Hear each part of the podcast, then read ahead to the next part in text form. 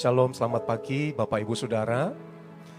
Uh, hari ini saya percaya ini adalah hari yang spesial karena ibadah kita hari ini kita melihat ada satu gedung yang boleh direnovasi di tengah-tengah pembangunan yang masih terjadi di kompleks rumah persembahan. Namun hari ini sebelum kita memasuki ruang ibadah, maka mari kita semuanya menaikkan syukur di hadapan Tuhan. Ini semua untuk kemuliaan Tuhan. Ini semuanya karena anugerah Tuhan.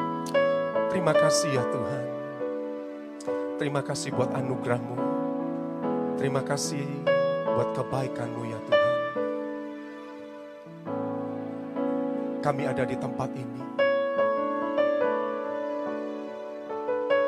Ini semuanya karena anugerahmu. We thank you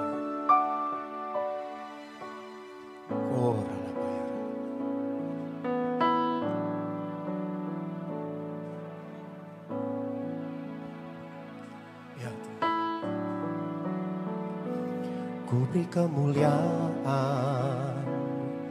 dan hormat.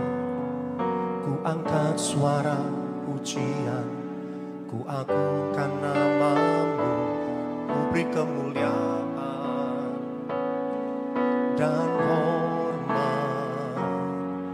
Ku angkat suara pujian, ku agungkan namamu. Sebab kau besar, seperti engkau.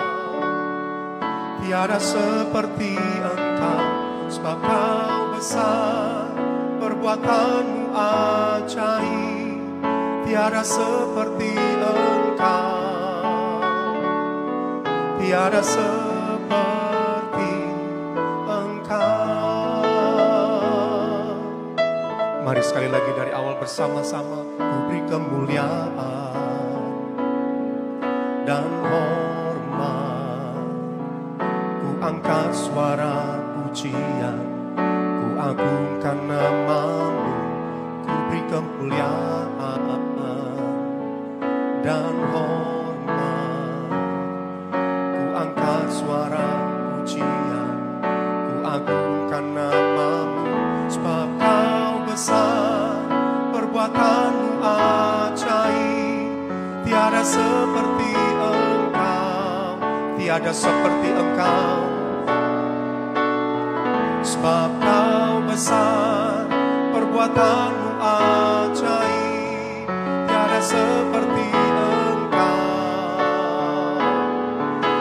seperti engkau. Bersama-sama kami mengangkat tangan di hadapanmu. Sebab kau besar, perbuatanmu ajaib, tiada seperti engkau tiada seperti engkau sebab kau besar perbuatanmu ajaib tiada seperti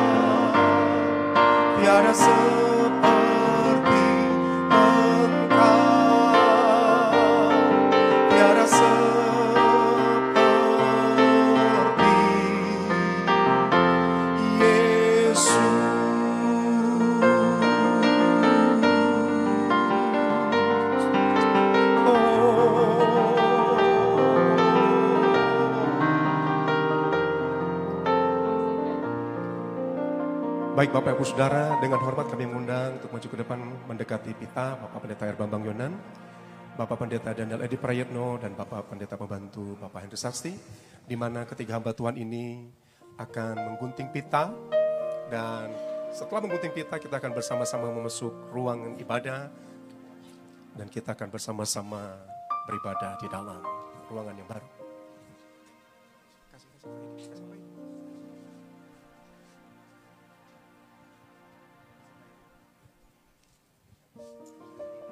Kita akan membuka tempat ini dan biarlah rumah ini tempat yang akan kita pakai ini akan melahirkan para pendoa, akan melahirkan para pelihat, melahirkan para nabi dan di tempat ini 24 jam dan setiap waktu akan ada doa pujian penyembahan yang akan dinaikkan kepada Tuhan.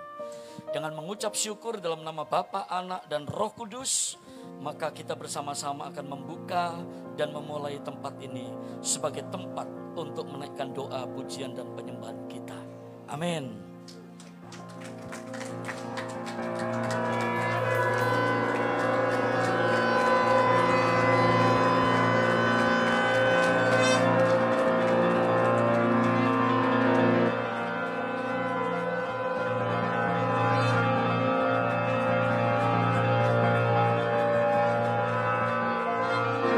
Mari sekali lagi berikan tepuk tangan yang meriah bagi Tuhan. Shalom.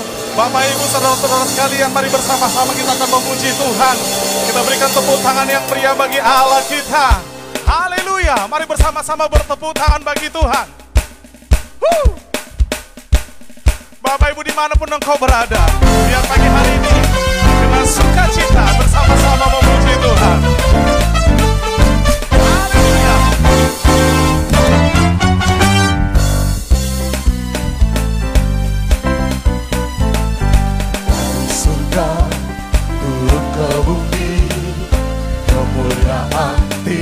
Tiada taranya Allah datang melawat negeriku. Karena seruan doa umatnya. Mari bersama-sama. Gunung dan lembah-lembah sungai serta tanahnya bersuka. Penduduknya di desa dan di kota semua akan menjadi orang yang benar.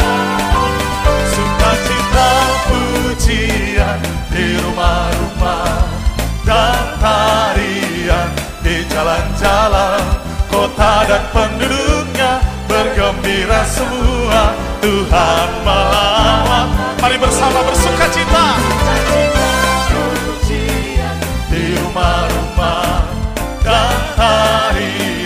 di jalan-jalan kota dan penduduknya bergembira semua Tuhan melawat negeriku dari menara doa bersama-sama. Biarlah ini doa kita yang wanita angkat ini.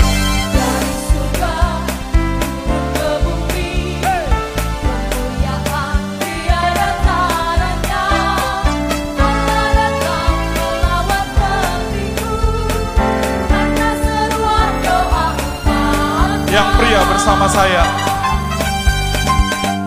gunung dan lembah-lembah sungai serta tanahnya bersuka. Penduduknya di desa dan di kota semua akan menjadi orang yang benar. Bersama-sama. sukacita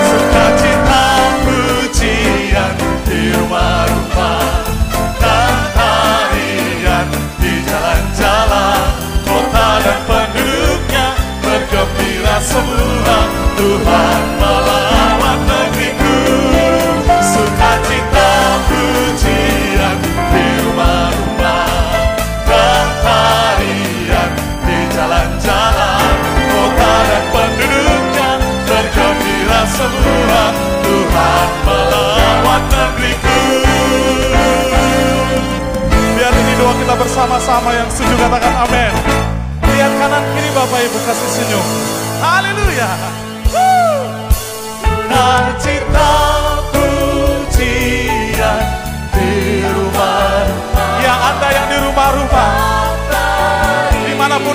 saat ini berada. kota dan penduduknya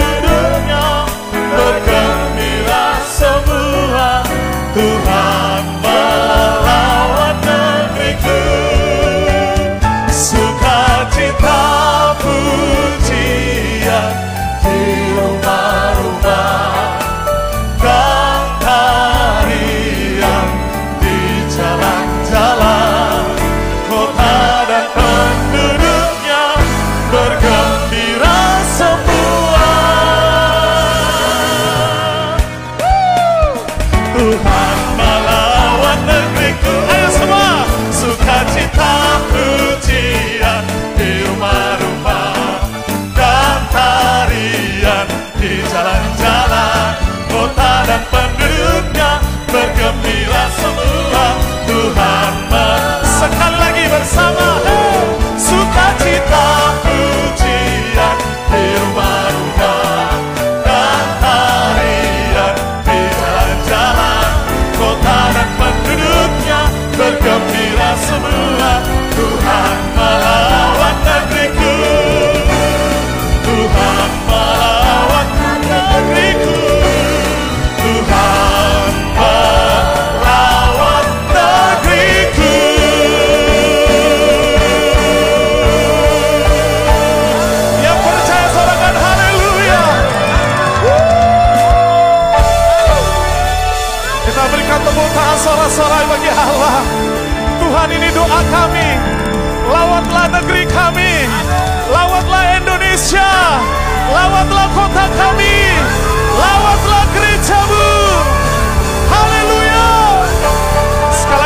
Berikan tepuk tangan sorak-sorai bagi Yesus Tuhan. Haleluya, haleluya. Kami berdiri dalam hadirat membawa ucapan syukur kami, membawa pujian kami di hadapan.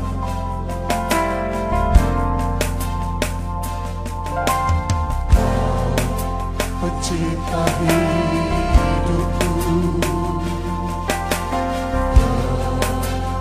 pelihara jiwaku, Kau layak terima segala pujian. Ku naikkan syukurku.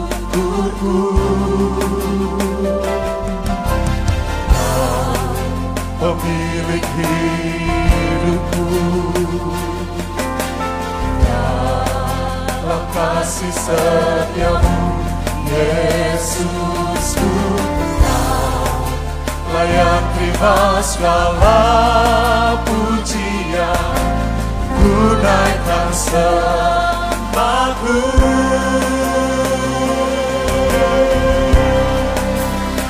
Segala pujian dan syukur bagimu.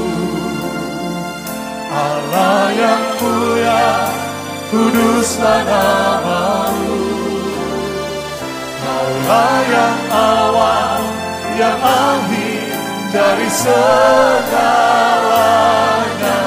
Yesus, kaulah pujian Kita berikan tepuk tangan bagi Allah kita. Berikan tepuk tangan sorak-sorai bagi dia. Haleluya! Mari bersama-sama dari awal angkat pujian. Pencipta hidupku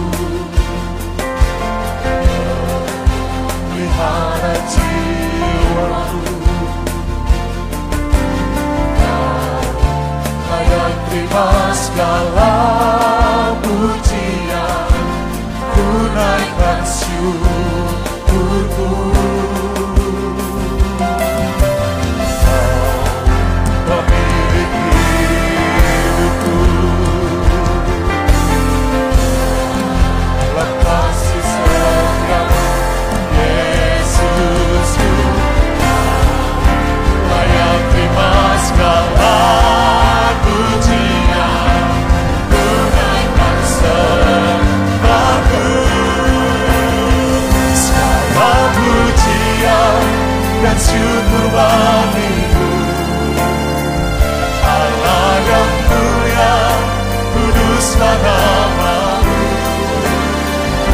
Allah yang awal, yang akhir dari segalanya Yesus, kaulah pujian, segala pujian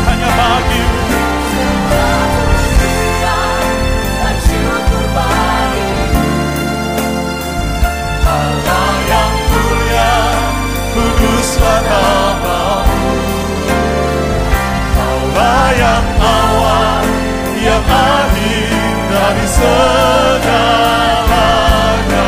Yesus, kaulah pujian bagiku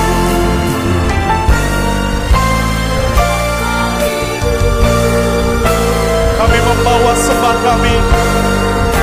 Kami membawa pujian kami. Bersama hamba-hambamu di tempat ini ya Tuhan. Sebab bagimulah segala pujian. Bagimulah segala hormat Kemuliaan Dari selama-lamanya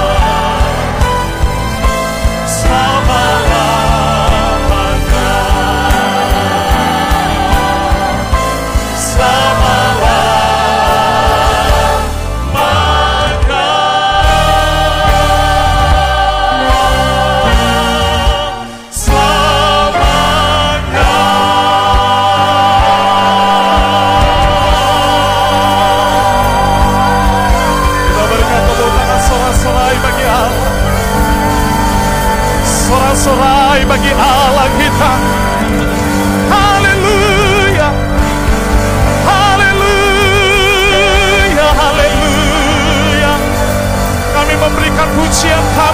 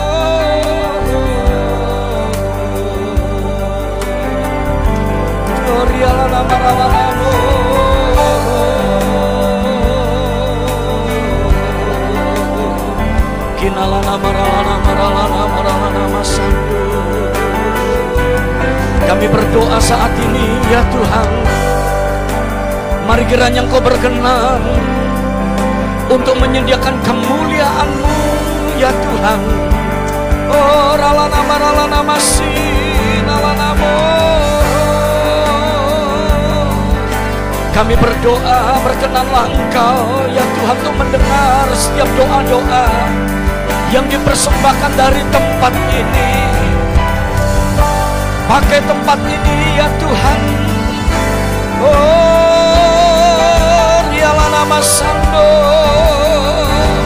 menjadi rumah doamu, menjadi rumah doa di mana doa-doa akan dinaikkan, dipersembahkan kepadamu. Oh, ralanama, ralanama, ralanamu. Secara khusus kami berdoa untuk hamba-hambamu para pendoa, para pemuji, para penyembah. Oh, ralanama, takalanama, ralanama. Tuhan berkati hamba-hambamu. Tuhan berkati hamba-hambamu. Tuhan kuatkan hamba-hambamu. Kinalabaralaba sando.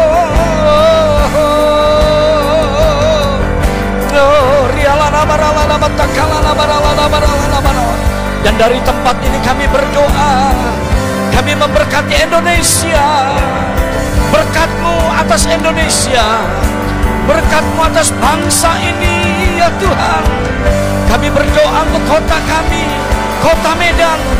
Duralana baralana batakalana maralana masando Rialana maralanamo Kami berdoa untuk provinsi Sumatera Utara.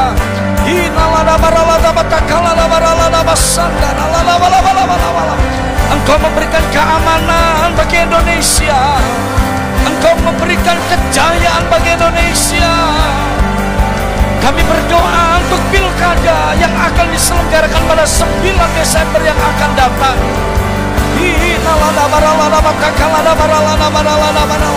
Kiranya Indonesia memperoleh anugerah mujizat demi mujizatmu ya Tuhan. Engkau mengangkat pemimpin-pemimpin yang akan mengangkat kuasa. Engkau akan mengangkat pemimpin-pemimpin yang hidup di dalam kebenaran. Oh, riala nama takala nama nama nama nama. Kita nama nama. Kita nama.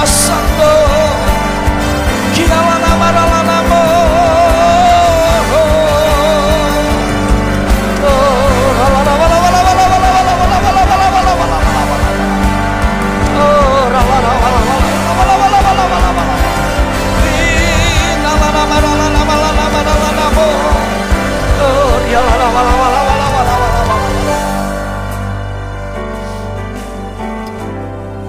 Engkau memberkati departemen apostolik profetik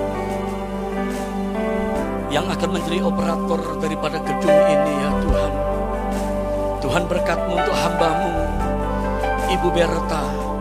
Tuhan berkati hambamu Pak Aldrian. Tuhan berkati hambamu Pak Yosua Ginting. Tuhan berkati hambamu Johannes. Oh Ralana Mata Kalalama dan seluruh daripada departemen-departemen di bawah daripada apostolik profetik. Tuhan pakai hamba-hambamu, pakai hamba-hambamu. Terima kasih Tuhan, terima kasih. Terima kasih, terima kasih.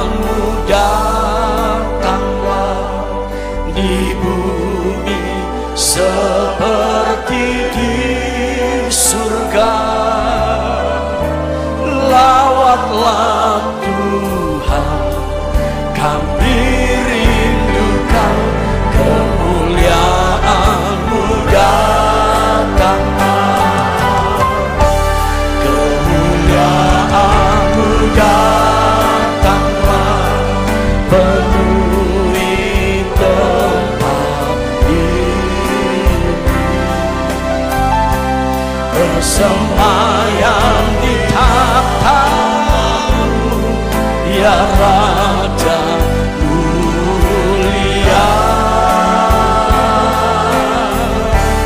Kerajaanmu datanglah di bumi seperti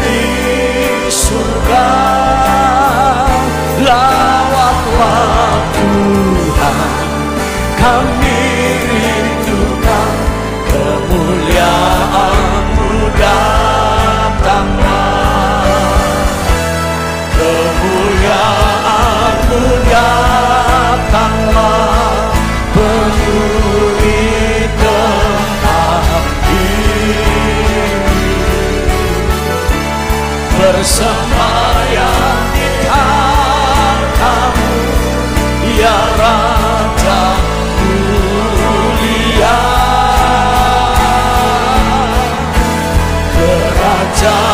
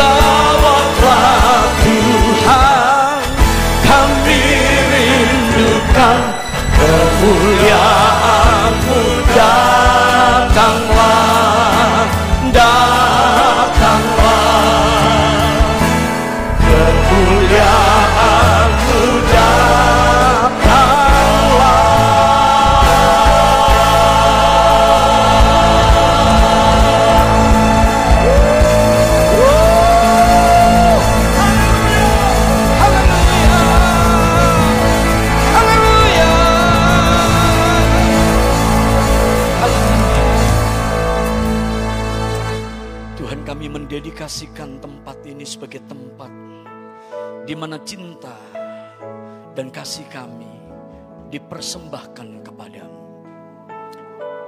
Engkau memberkati ya Tuhan pertemuan kami pada siang hari ini. Berkatmu menyertai kami. Berkatmu menyertai anak-anakmu yang mengikuti ibadah ini dengan cara live streaming. Di mana pun daripada umatmu berada. Mereka berada di rumah. Mereka berada dalam keadaan lemah oleh karena sakit. Kiranya engkau berkenan ya Tuhan untuk hadir dan melawat setiap umatmu. Bahkan kami berdoa untuk anak-anakmu yang ada di gugus depan dari penanganan COVID-19. Mari Tuhan berikan kekuatan yang baru bagi hamba-hamba. Kami berdoa untuk saudara-saudara kami yang saat ini sedang dirawat dalam pemulihan oleh karena infeksi COVID-19. Mari Tuhan berikan kekuatan yang baru. Dan kami tahu Tuhanlah yang memberikan kuasa bagi setiap kami. Tuhan sembuhkan yang lemah. Tuhan sembuhkan yang sakit. Kami berdoa untuk hamba-hambamu, anak-anakmu yang ada dalam dunia usaha. Tuhan berikan daya tahan yang kuat untuk menghadapi goncangan yang saat ini sedang terjadi. Khususnya goncangan dalam sisi ekonomi. Kami berdoa bukakan tingkap-tingkap langitmu ya Tuhan. Dan curahkan berkatmu, curahkan berkatmu untuk saudara-saudara kami.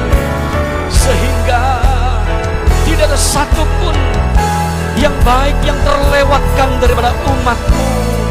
Segala yang indah, yang mulia, segala yang sedap untuk didengar, segala sesuatu yang penuh dengan ucapan syukur, kiranya mengalir memenuhi kehidupan daripada umatmu.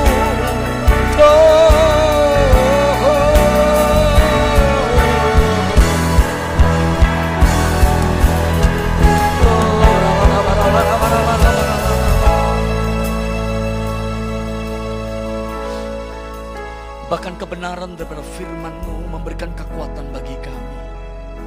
Kalau sebentar kami boleh mengikuti bersama-sama pesan-pesan dan perkataan-perkataan dari firman-Mu.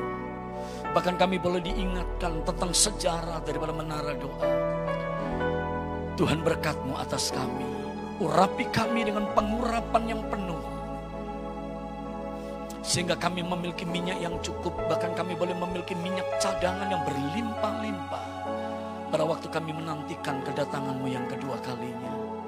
Terima kasih kalau Tuhan menuntun kami, memberkati kami. Bahkan memberikan tempat yang indah ini untuk dipakai sebagai rumah bagi para pendoa.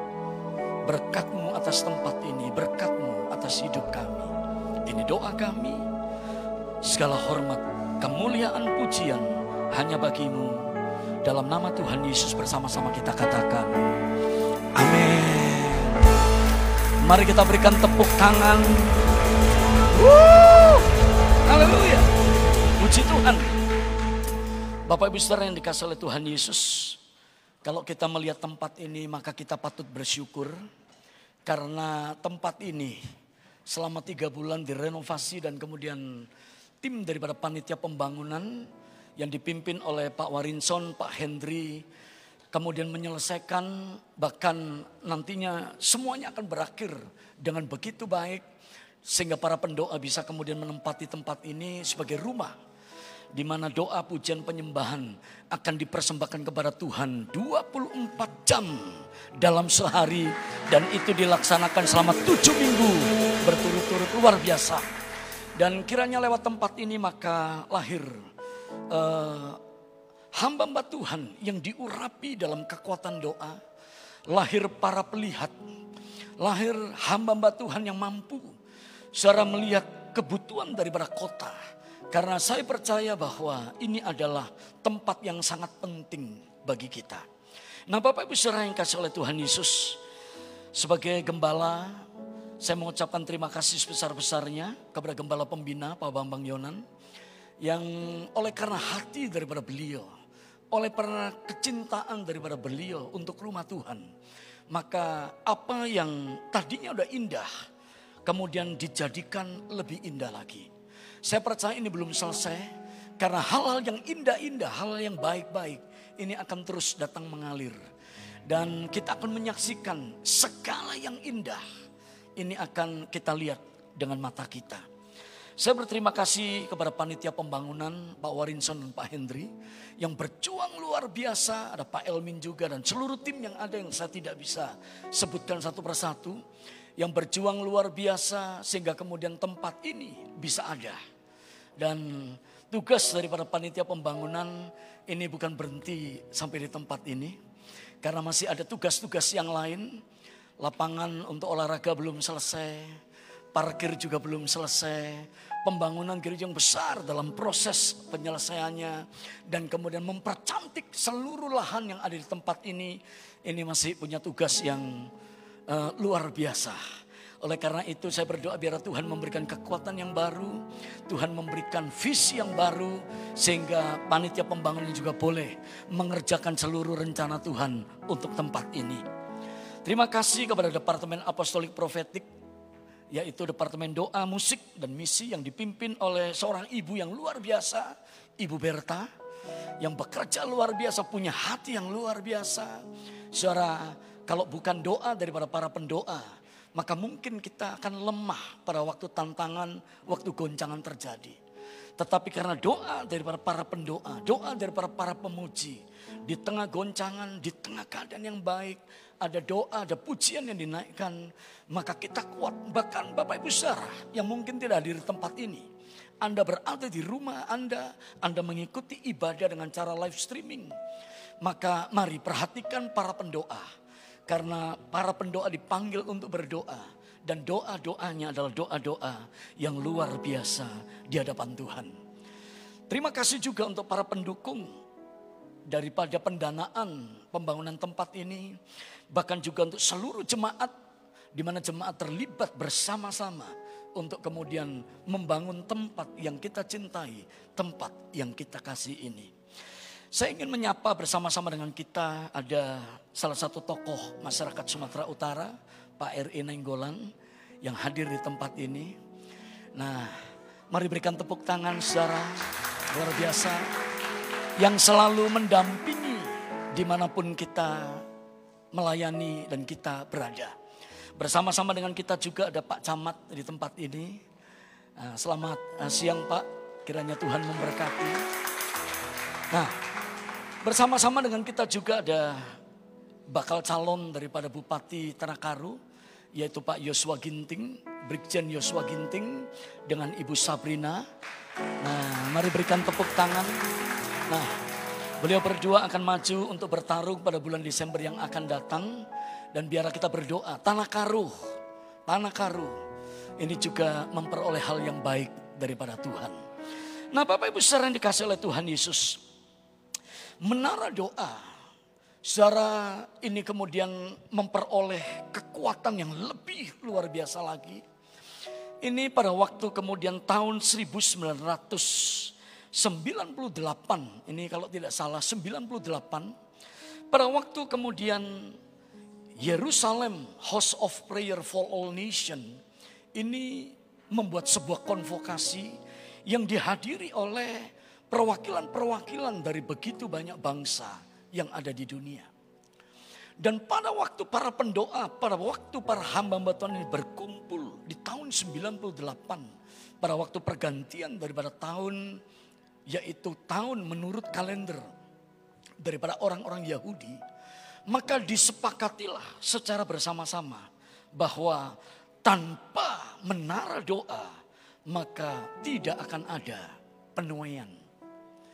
Saudara, setelah pertemuan yang ada di Yerusalem dengan membawa pesan yang sangat kuat, tanpa menara doa maka tidak ada penuaian, maka di tahun 1999 gembala pembina kita kemudian mulai membangun menara doa. Dan pada waktu itu menara doa itu ada di Medan Plaza lantai yang ketujuh. Saya ingat pada waktu pertama-tama saudara kita itu berkumpul di tempat itu jumlah para pendoa orang yang kemudian ingin berdoa bersama-sama. Pada waktu itu tidak terlalu banyak. Dimulai dari para full timer dan kemudian diikuti oleh para hamba-hamba Tuhan yang kemudian melayani dalam kebaktian-kebaktian minggu. Saudara jumlahnya bisa dihitung. Dan pada waktu itu saya masih mengikuti dan masih menyaksikan bahwa ada tempat-tempat yang masih kosong pada waktu itu. Dan tahun 99 itu adalah tahun yang penting untuk pembangunan daripada menara doa. Satu waktu Bapak Ibu Saudara, saya karena kesibukan pekerjaan pada waktu itu saya masih baru sebagai seorang full timer. Saya kemudian tidak naik ke menara doa. Saya berada di kantor dan saya kemudian mulai mengerjakan pekerjaan-pekerjaan saya di kantor. Dan itu adalah jam menara doa. Seorang hamba Tuhan yang sampai hari ini saya ingat betul seorang sahabat yang baik. Pada waktu itu datang dan memberikan teguran yang sangat keras kepada saya pada waktu itu. Dia berkata demikian kepada saya. Loh kamu gak main naik ke menara doa? Saya bilang tidak. Karena pekerjaan saya banyak. Dia marah dan dia berkata tidak bisa mesti naik ke menara doa. Kalau kamu tidak naik ke menara doa, kamu tidak bisa melayani. Saya terkejut saudara. Saya kemudian mulai naik ke menara doa dan membiasakan untuk kemudian naik ke menara doa. Sampai hari ini teguran itu menjadi berkat dalam kehidupan saya. Saya tahu kita semua bisa ada. Kita semua bisa melayani dengan baik. Salah satunya itu oleh karena kekuatan pada waktu kita berada di menara doa. Kalau kita kemudian pada waktu itu saudara tidak mau ditarik untuk masuk ke menara doa, maka kita tidak punya kekuatan untuk menjadi seorang penuai. Tapi pada waktu kita kemudian bersedia memberikan hidup kita. Pada waktu kita bersedia untuk kemudian berada di menara doa. Intim dan dekat dengan Tuhan. Apa yang terjadi? Maka Tuhan kemudian mulai mengubah kita untuk menjadi penuai. Dan pada tahun 2000 saudara, itu tepat di bulan Februari, maka kita kemudian berkumpul di menara doa. Pada waktu itu gembala pembina Pak Bambang yang memimpin untuk kita kemudian bersama-sama berdoa. Tiba-tiba saudara pada waktu kita berdoa, ada sesuatu yang kemudian berbeda dari hari-hari biasa. Karena di waktu itu, waktu kita berkumpul bersama-sama, jumlahnya nggak terlalu banyak pada waktu itu, maka ada lawatan yang spesial kita semua dilawat dan kita nggak tahu waktu. Kita juga nggak tahu kita berada di mana. Tetapi sepertinya kita kemudian berada dalam satu tempat. Yaitu tempat di mana Tuhan ini kemudian menarik kita tempat di mana Tuhan itu berada. Saudara, kita semua dilawat luar biasa. Sepertinya kita kemudian tidak ingin untuk keluar dari tempat itu. Sepertinya kita kemudian melupakan semuanya. Dan setelah kejadian Februari tahun 2000, maka apa yang terjadi? Maka kita melihat menara doa ini kemudian mulai dibanjiri oleh jiwa-jiwa. Surat tempat yang ada di lantai 6 ini nggak muat lagi. Doa Sabtu, saudara, doa puasa Sabtu. Begitu banyak orang. Lebih daripada 500. Sampai kemudian mesti dibuka bagian belakang. Sampai kemudian orang mesti ngantri untuk kemudian mengikuti pertemuan ibadah itu. Di hari Selasa yang biasa tidak terlalu banyak. Kemudian lebih daripada 500 juga. Jemaat dan orang-orang percaya, orang-orang yang merindukan untuk ketemu dengan Tuhan. Itu hadir. Sampai akhirnya diputuskan semua pertemuan doa itu dipindahkan ke lantai 7. Dan lantai, maaf, lantai 6. Dan lantai 6 ini menampung ribuan orang. Bapak Ibu sering dikasih oleh Tuhan Yesus. Teman-teman yang berasal dari luar negeri, teman-teman yang berasal dari kota-kota yang lain. Mereka berkata, kalau kami diberi kesempatan melayani di Medan. Dan pelayanan itu berada di hari Minggu. Maka kalau kami tidak hadir di pertemuan doa setiap Sabtu. Maka ada sesuatu yang kurang dalam kehidupan kami. Bahkan teman-teman yang mereka melayani di Singapura, yang berasal dari Eropa, yang berasal dari Amerika. Suruh mereka terbang belum masuk Singapura, mereka masuk dulu ke Indonesia. Ikut pertemuan di Medan dalam pertemuan doa pada hari Sabtu. Dan setelah itu mereka kemudian mulai terbang kembali ke Singapura, ke Malaysia. Untuk kemudian melayani gereja-gereja yang ada di sana. Pada waktu ditanya kenapa? Mereka berkata, ada sesuatu yang tidak biasa dalam pertemuan doa itu. Ada sesuatu yang merupakan kebutuhan daripada setiap kami. Bapak Ibu saudara kasih Tuhan. Begitu luar biasanya pertemuan-pertemuan itu. Sampai kemudian tahun 2015 Medan Plaza itu terbakar. Apakah kita kemudian berhenti untuk tidak berdoa? Tidak. Pertemuan itu kemudian dipindahkan ke tempat ini dan kita terus melanjutkan dengan doa. Terus melanjutkan dengan doa. Dan hari ini, saudara kalau kita kemudian berada di tempat ini, saya katakan, inilah rumah bagi para pendoa. Kita berdoa biar lewat tempat ini. Menara doa dibangun, penuaian jiwa-jiwa akan semakin lebih besar lagi. Mari kita berikan tepuk tangan, berikan tepuk tangan. Jadikan aku Tuhan. Rumah doamu. Agar semua suku bangsa datang menyembah. Jadikan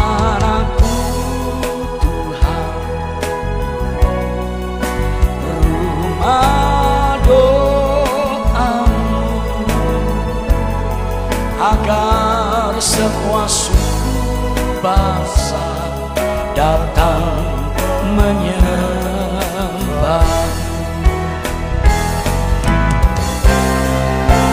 Jadikan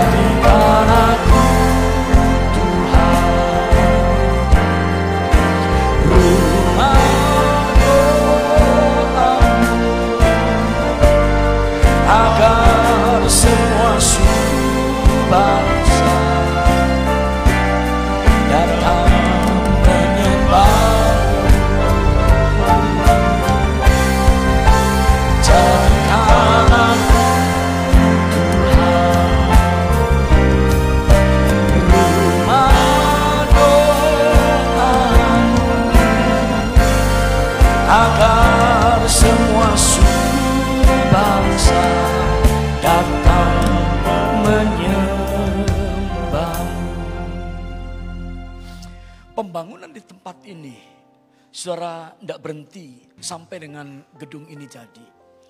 Karena rencana ke depan, maka kita akan membangun rumah doa dengan desain rumah adat Batak. Ini luar biasa. Dan di tempat ini maka orang bisa doa secara pribadi. Di tempat itu maka orang bisa berdoa secara kelompok. Kalau saudara di Jawa punya gua-gua doa. Tempat-tempat lain mu- mungkin punya tempat-tempat untuk berdoa. Nah kita saudara akan membangun tempat-tempat yang seperti itu. Dengan desain rumah adat Batak atau adat Karo atau adat kemudian Simalungun atau adat etnis yang ada di Sumatera Utara ini.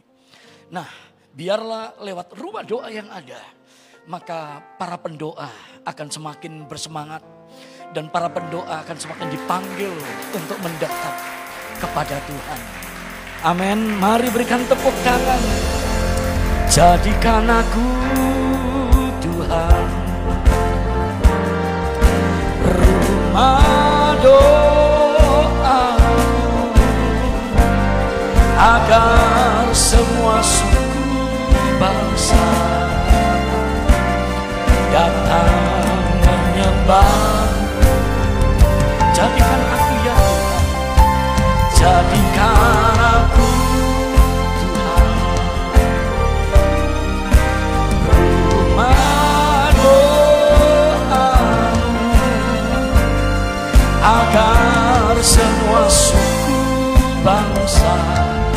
datang menyembah. Mengapa menara doa itu begitu penting? Mari kita membuka Alkitab dan kita membaca Yesaya 62 ayat 6 dan ayat yang ketujuh. Menara doa itu begitu penting.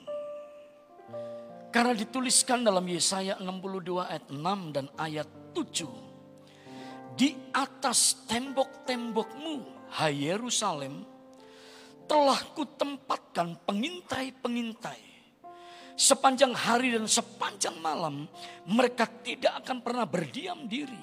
Hai kamu yang harus mengingatkan Tuhan kepada Sion. Janganlah kamu tinggal tenang dan janganlah biarkan dia tinggal tenang sampai ia menegakkan Yerusalem dan sampai ia membuatnya menjadi kemasyuran di bumi.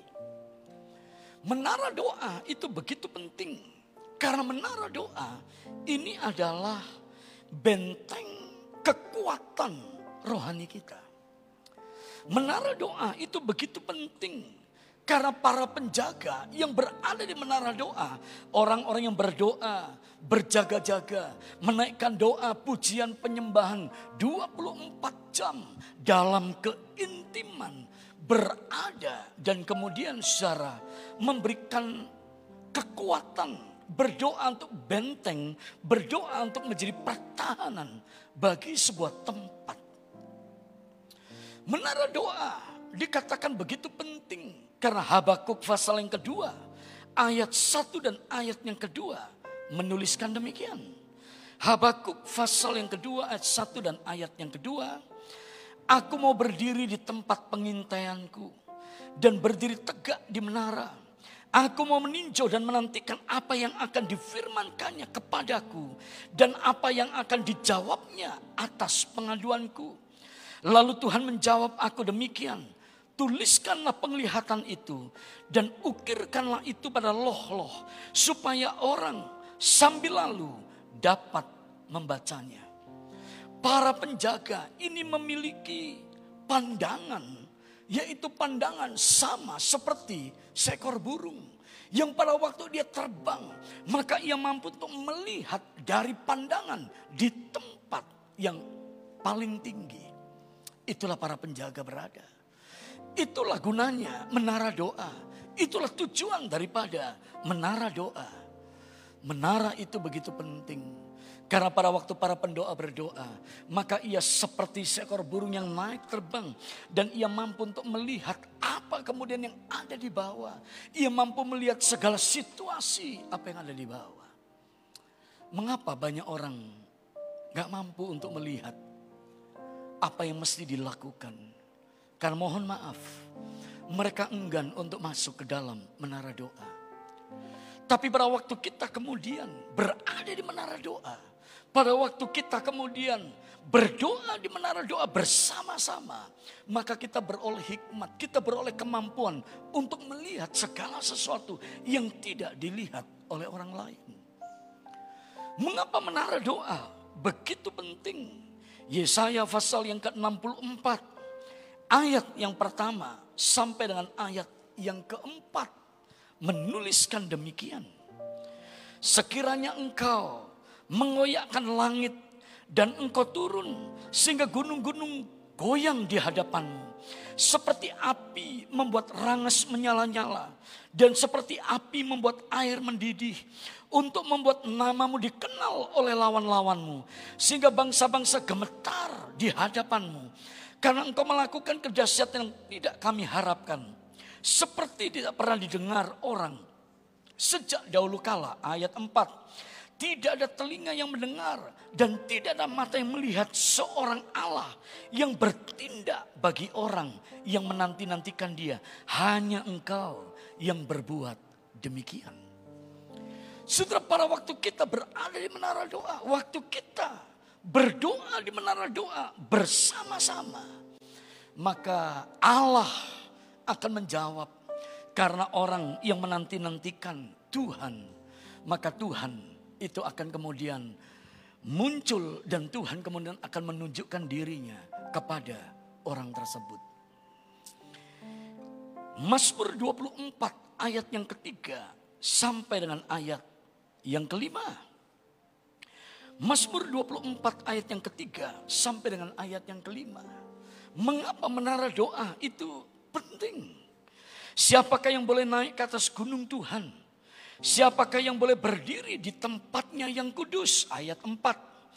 Orang yang bersih tangannya dan murni hatinya. Yang tidak menyerahkan dirinya kepada penipuan. Dan yang tidak bersumpah palsu. Ayat 5 perhatikan. Dialah yang akan menerima berkat dari Tuhan dan keadilan dari Allah yang menyelamatkan dia. Katakan amin. Setelah apa yang terjadi pada waktu kita naik ke menara doa, ke tempat yang tinggi. Saudara tangan kita bersih, hati kita bersih. Hidup kita bersih dan kita berada di menara doa.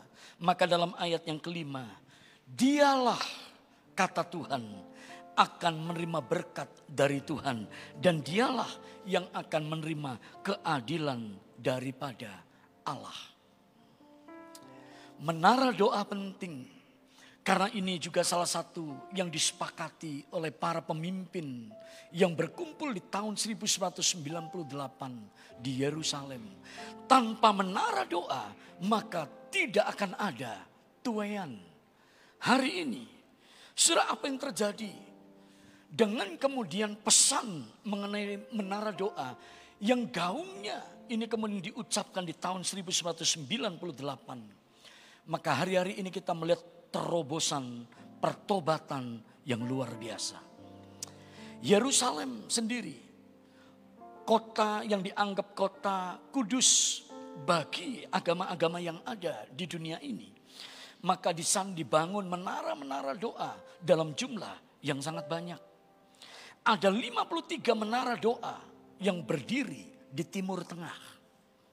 Sesuatu yang bagi orang, wah mana mungkin. Tetapi hari ini 53 menara doa itu dibangun di negara-negara yang berada di daerah timur tengah.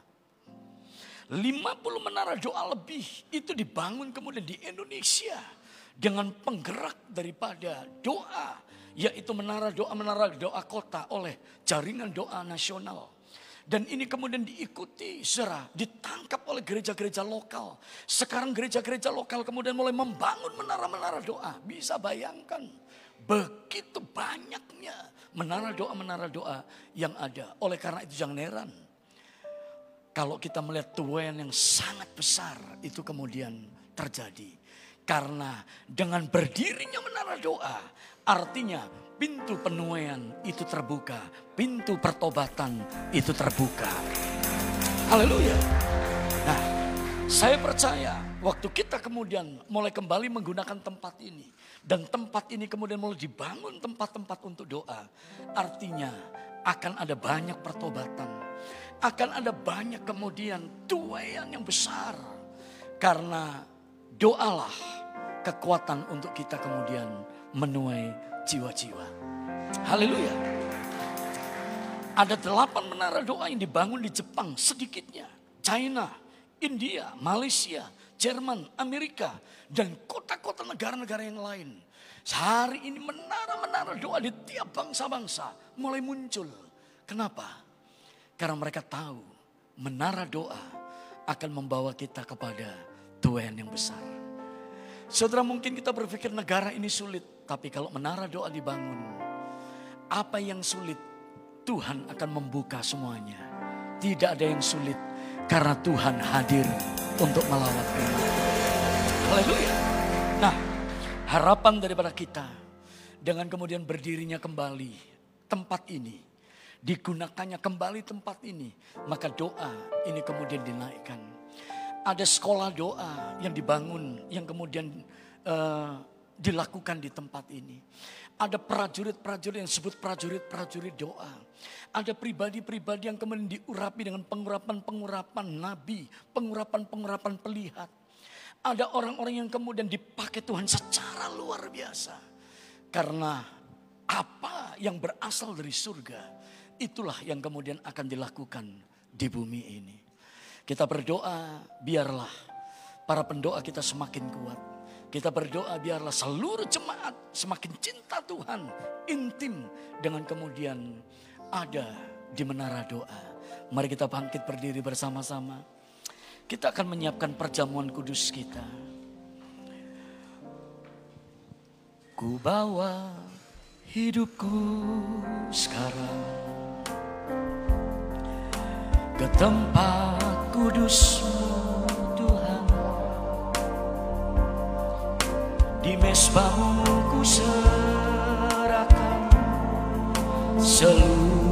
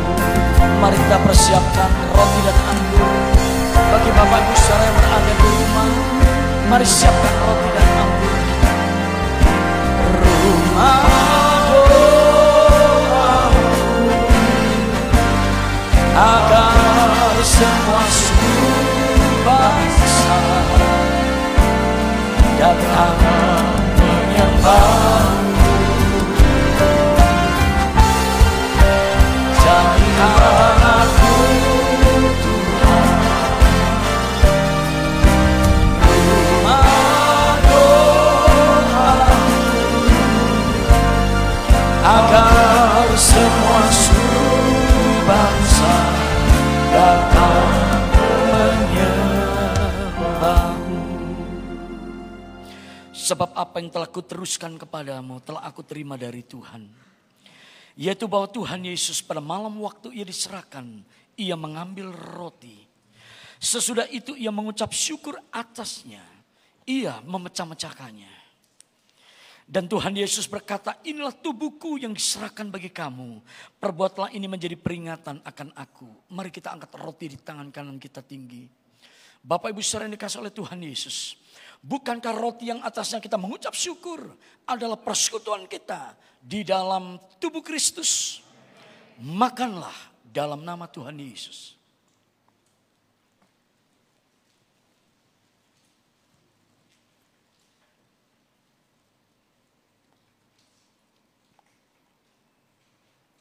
Mari kita angkat cawan di tangan kanan kita tinggi. Demikian juga yang mengambil cawan sesudah makan. Lalu Tuhan Yesus berkata, cawan ini adalah perjanjian baru yang dimenteraikan oleh darahku. Perbuatlah ini setiap kali kamu meminumnya menjadi peringatan akan aku. Bapak Ibu saudara yang dikasih oleh Tuhan Yesus. Bukankah cawan yang atasnya kita mengucap syukur adalah persekutuan kita di dalam darah Kristus. Minumlah dalam nama Tuhan Yesus.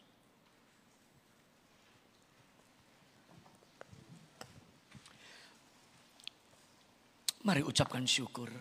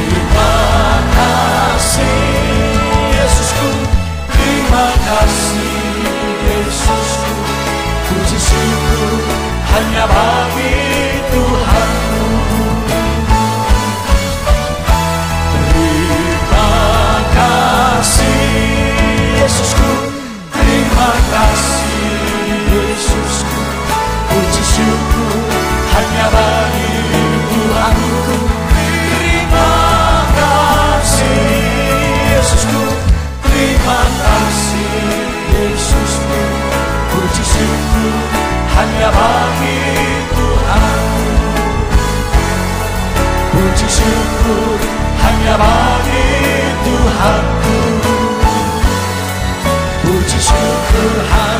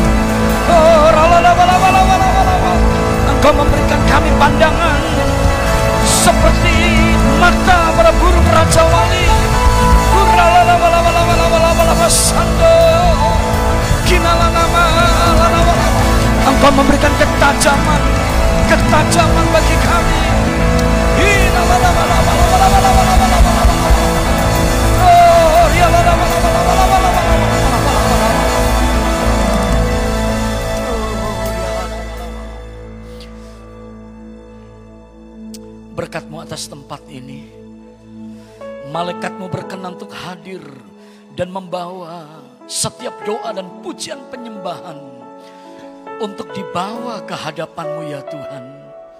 Dan kiranya Engkau menikmati setiap kehidupan kami di tempat ini. Inilah menara doa. Tempat Engkau memberikan kekuatan ya Tuhan. Kami berdoa kiranya lewat menara doa di tempat ini. Medan akan penuh dengan kemuliaan-Mu. Sumatera Utara akan penuh dengan kemuliaan-Mu. Dan Indonesia akan dipenuhi dengan kebenaran. Terima kasih. Kami bersyukur untuk semuanya ini. Terima kasih. Terima kasih untuk hambamu. Pemimpin-pemimpin rohani kami. Berkat atas hambamu. Gembala pembina kami Bapak Pendeta Bambang Yonan. Kalau Tuhan mengaruniakan satu tahun usia bagi hambamu kembali. Tuhan berkati hambamu. Berkati dengan berkat yang berlimpah-limpah. Pakai hambamu ya Tuhan.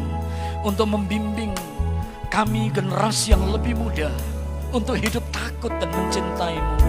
Terima kasih ya Tuhan. Terima kasih untuk seluruh tim panitia pembangunan. Terima kasih untuk kebersamaan. Terima kasih untuk seluruh persembahan, persepuluhan, persembahan ucapan syukur, persembahan pembangunan yang dipersembahkan oleh seluruh umatmu. Berkatmu menyertai. Dalam nama Tuhan Yesus. Bersama-sama kita katakan. Amin. Silakan duduk. Bapak Ibu Saudara yang dikasih oleh Tuhan Yesus, Anda yang berada di rumah, maka kami mengundang Anda untuk juga bisa kemudian mendaftarkan diri dan bersama-sama kita bisa berdoa di tempat ini dalam menara doa yang diatur oleh Departemen Doa untuk kita bersama-sama berjaga-jaga atas bangsa dan negeri ini. Tuhan memberkati berlimpah-limpah.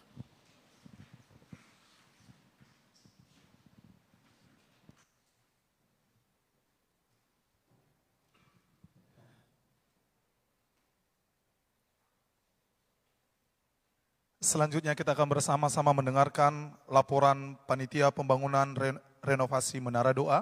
Dengan hormat kami panggilkan Bapak Warinson Sinaga SH MH dan Bapak PDP Henry Saksti.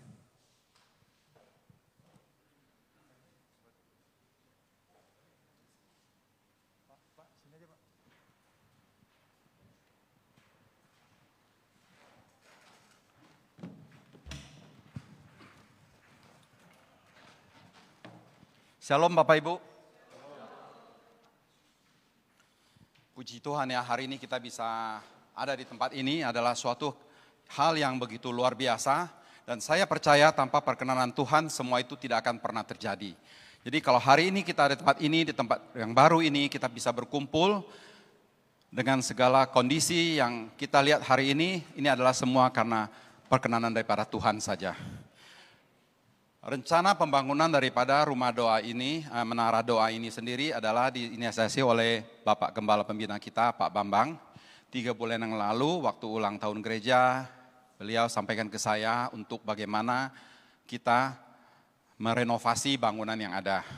Ya, jadi memang ide ini kita buat adalah kita mempertahankan di luar itu adalah suatu bangunan sejarah di mana tempat Sumatera Resort ini berada tetapi di dalamnya kita akan buat ini menjadi lebih baik semua untuk supaya kita bisa lebih bersama-sama bisa berdoa di tempat ini, bagaimana kita menaikkan doa kita kepada Tuhan dan saya yakin Tuhan pasti berkenan untuk mendengar doa-doa kita yang datang kalau kita datang dengan penuh hati kita berserah kepadanya.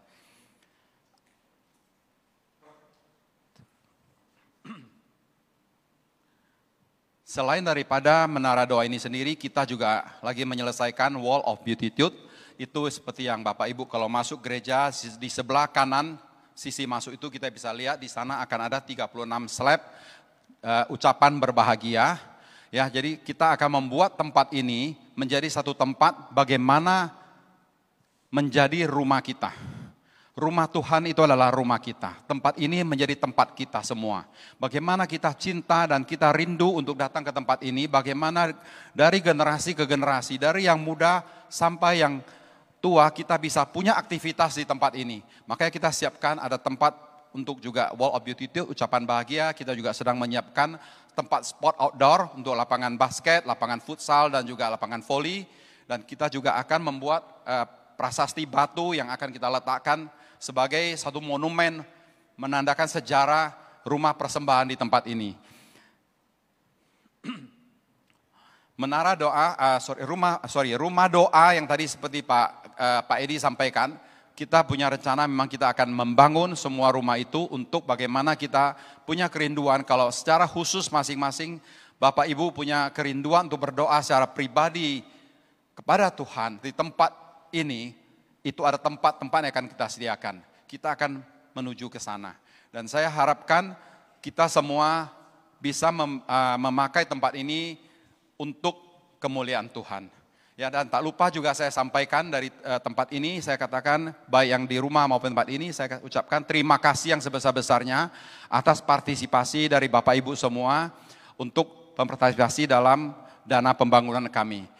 Tanpa partisipasi dari Bapak Ibu semua, kita juga punya kesulitan. Tapi sampai dengan hari ini saya boleh katakan bahwa puji syukur Tuhan itu sungguh baik.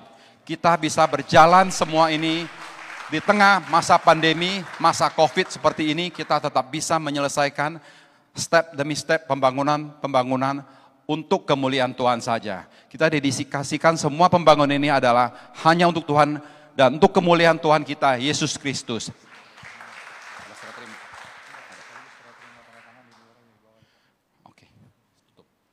Ya, terim, dan tak lupa juga saya sampaikan terima kasih yang sebesar-besarnya untuk tim saya di sini, terutama Pak Arman dan juga Pak Warinson yang sepenuh hati dalam kesibukannya saya hari tetap juga fokus menyelesaikan semua kegiatan pembangunan di tempat ini. Terima kasih.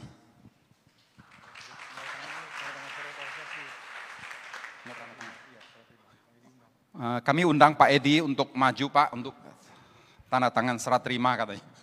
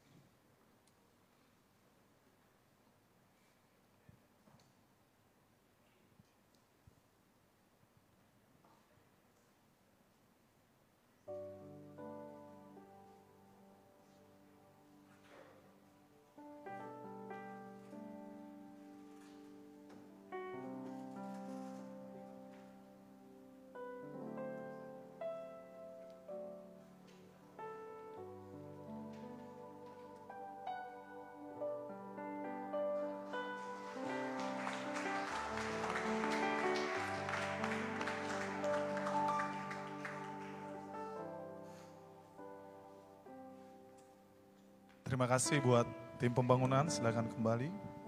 Nah, Pak, tim pembangunan sudah menyerahkan gedung ini, tempat ini, sudah menyelesaikannya. Tinggal mungkin ada sedikit yang perlu kemudian nanti akan dimatangkan. Nah, karena gedung ini sudah diserahkan, maka saya akan menyerahkannya kepada koordinator apostolik profetik Ibu Berta untuk digunakan sebagai rumah bagi para pendoa. Mari Bu Berta.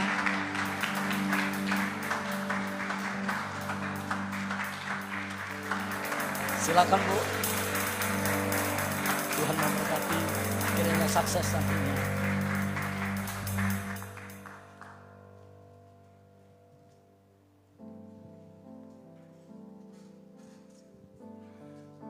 Mari bersama-sama kita bangkit berdiri Bapak Ibu, kita akan maaf bisa tetap duduk. Nah, eh, shalom Bapak Ibu. Saya mengucapkan syukur dan terima kasih untuk kehadiran Bapak-bapak dan Ibu-ibu. Dan kalau kita lihat ruangan ini masih banyak yang belum selesai. Nah, jadi ini PR tambahan untuk Departemen Pembangunan. Karena yang pertama saya masih dengar ini suaranya feedback. Jadi tadi saya sudah bicara dengan Pak Yan Gunawan supaya di bagian belakang ini ditaruh peredam, kiri kanannya juga taruh peredam supaya suaranya itu tidak tidak ini ya nanti tolong Pak Weli diatur di mana peredamnya itu akan ditaruh. Nah, menyelesaikan pembangunan daripada menara doa pada hari ini buat saya ini adalah penggenapan dari apa yang kita yakini. Karena kita selalu mengangkat ada satu uh, ayat firman Tuhan dari kitab Hagai yang berkata bahwa Tuhan akan menggoncangkan langit, bumi, laut, dan darat. Nah, mengapa goncangan itu diizinkan oleh Tuhan terjadi? Supaya barang yang indah-indah dari bangsa-bangsa itu datang mengalir dan memenuhi rumah Tuhan. Saudara yang dikasih oleh Tuhan, saya dapat uh, satu informasi dari Pak Charles. Nah, yang menginventaris begitu banyak perusahaan-perusahaan internasional yang hari-hari ini mengalami goncangan. Saya bacakan saja secara singkat. Ada Victoria's Secret.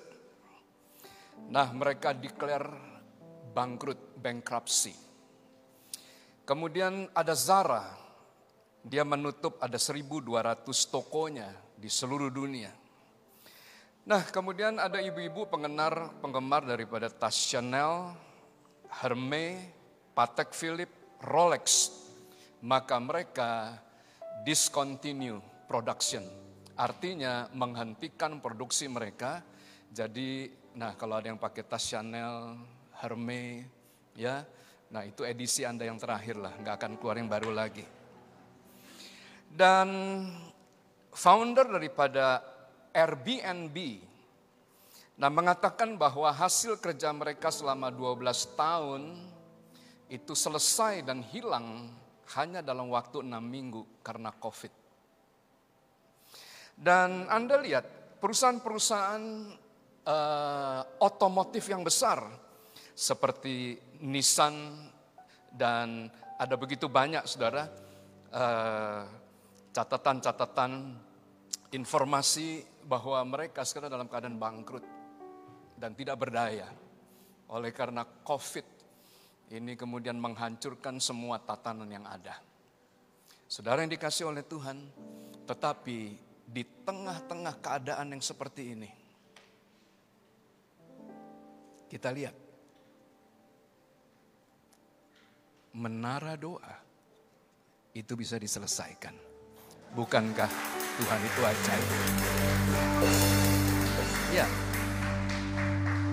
Nah, pada waktu saya melihat bahwa kita bisa menyelesaikan ini, ya.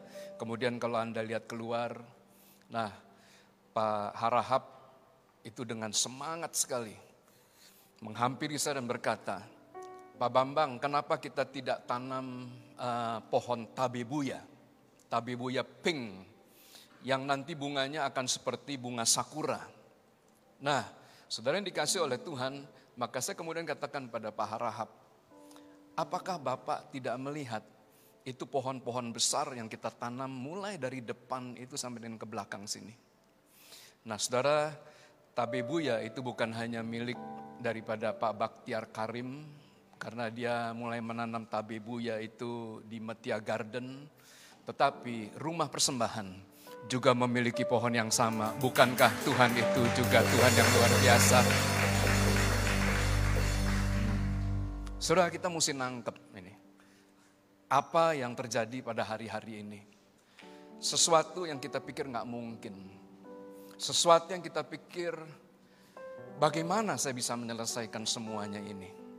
Di tengah-tengah Anda lihat kita ini tidak beribadah dari minggu kedua bulan Maret sampai dengan hari ini tidak ada ibadah.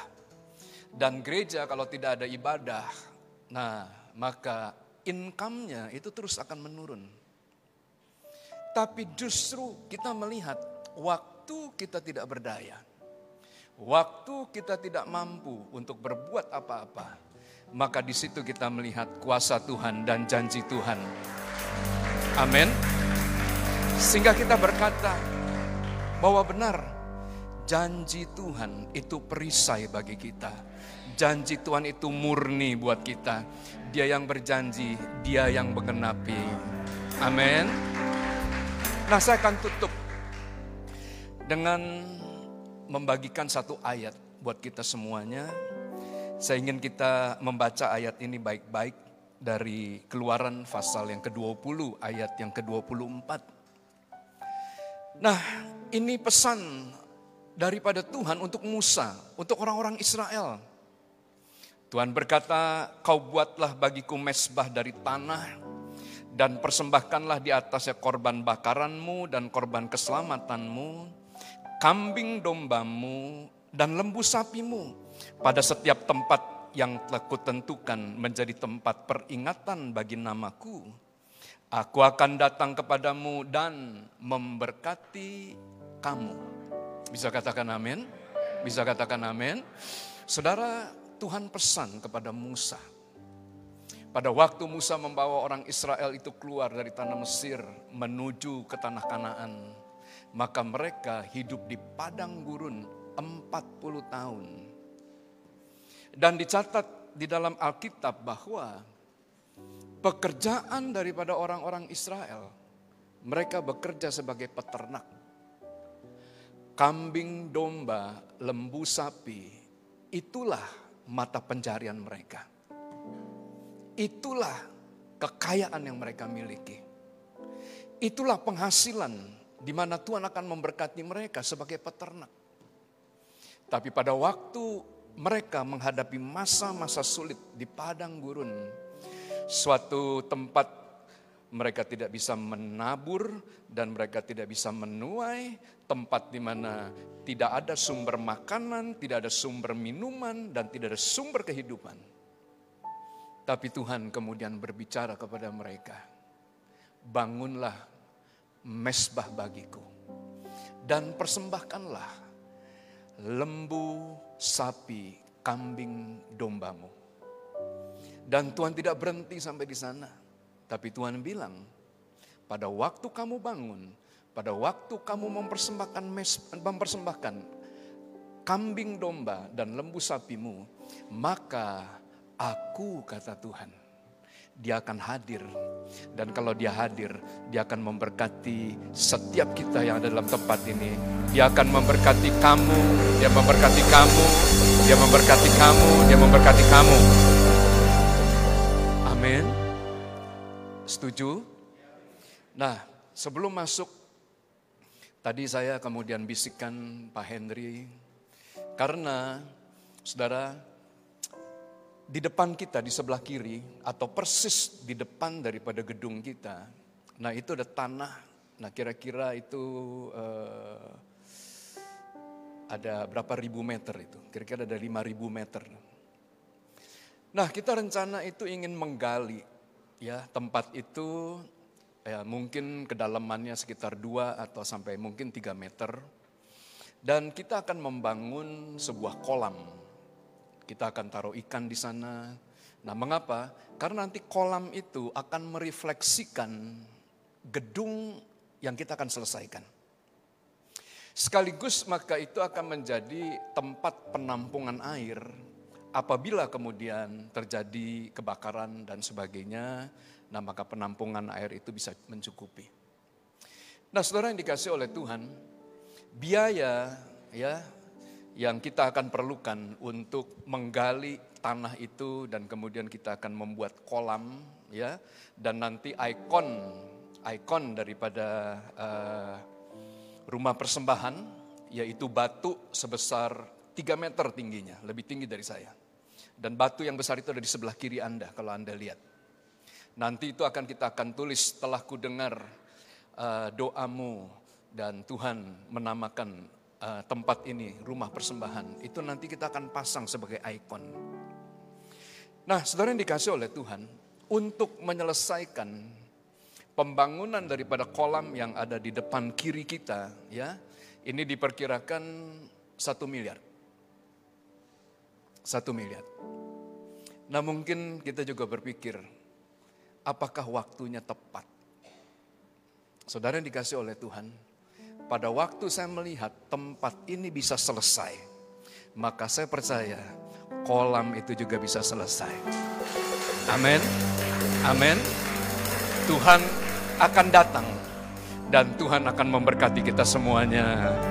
Yang percaya berikan tepuk tangan yang meriah buat Tuhan sujud di altarnya. Ku bawa hidup. Mari kita bangkit berdiri. Ku terima anugerahnya.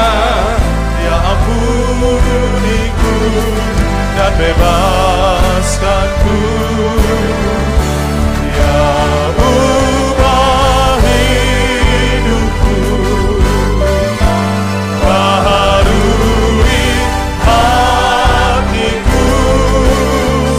Sesuatu terjadi. Sesuatu terjadi Saat datang di altarnya Sekali lagi sujud di altarnya. Sujud di altarnya Ku bawa Kami terima anugerah dalam hadiratmu Tuhan. Terima kasih Ya ampuniku Dan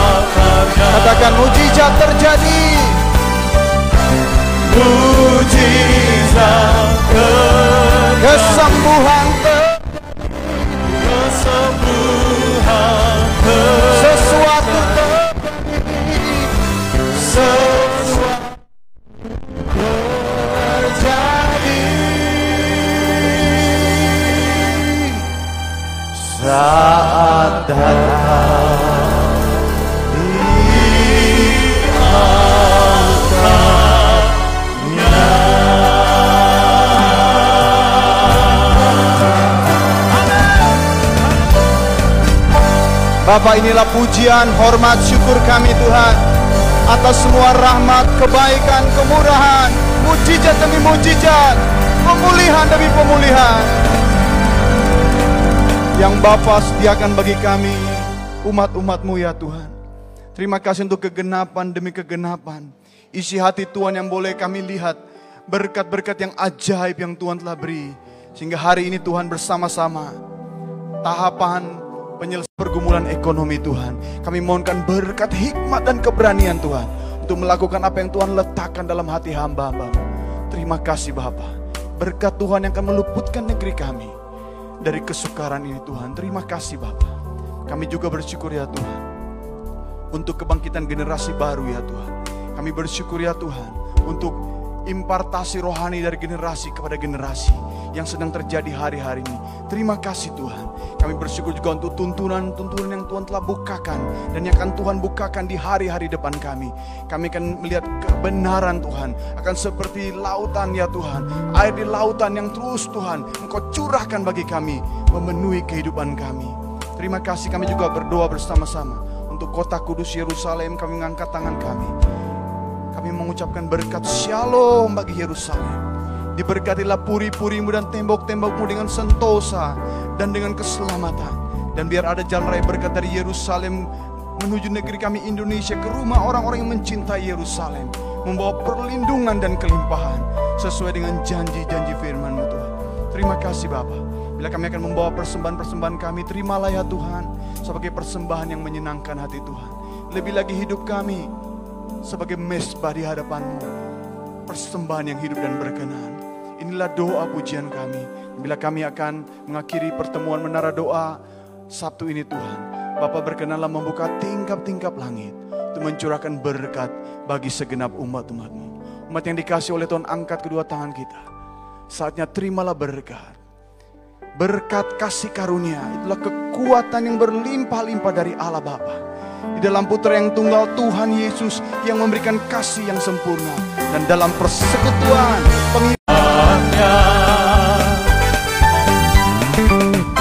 Gunung dan lembah-lembah Sungai serta tanahnya bersuka. Penduduknya di desa dan di kota Semua akan menjadi orang yang benar. Sukacita pujian di rumah-rumah di jalan-jalan Kota dan penduduknya bergembira semua.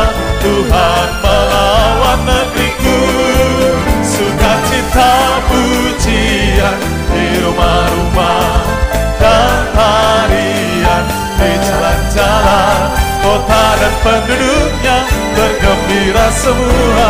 Tuhan melawan negeriku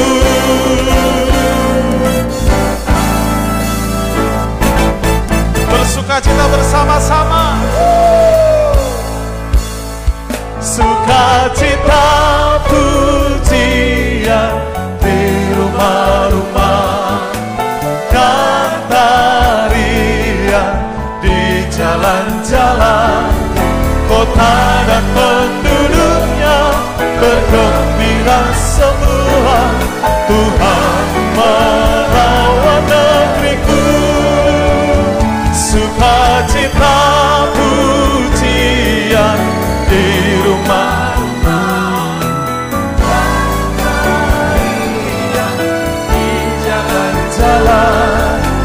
jalan-jalan kota dan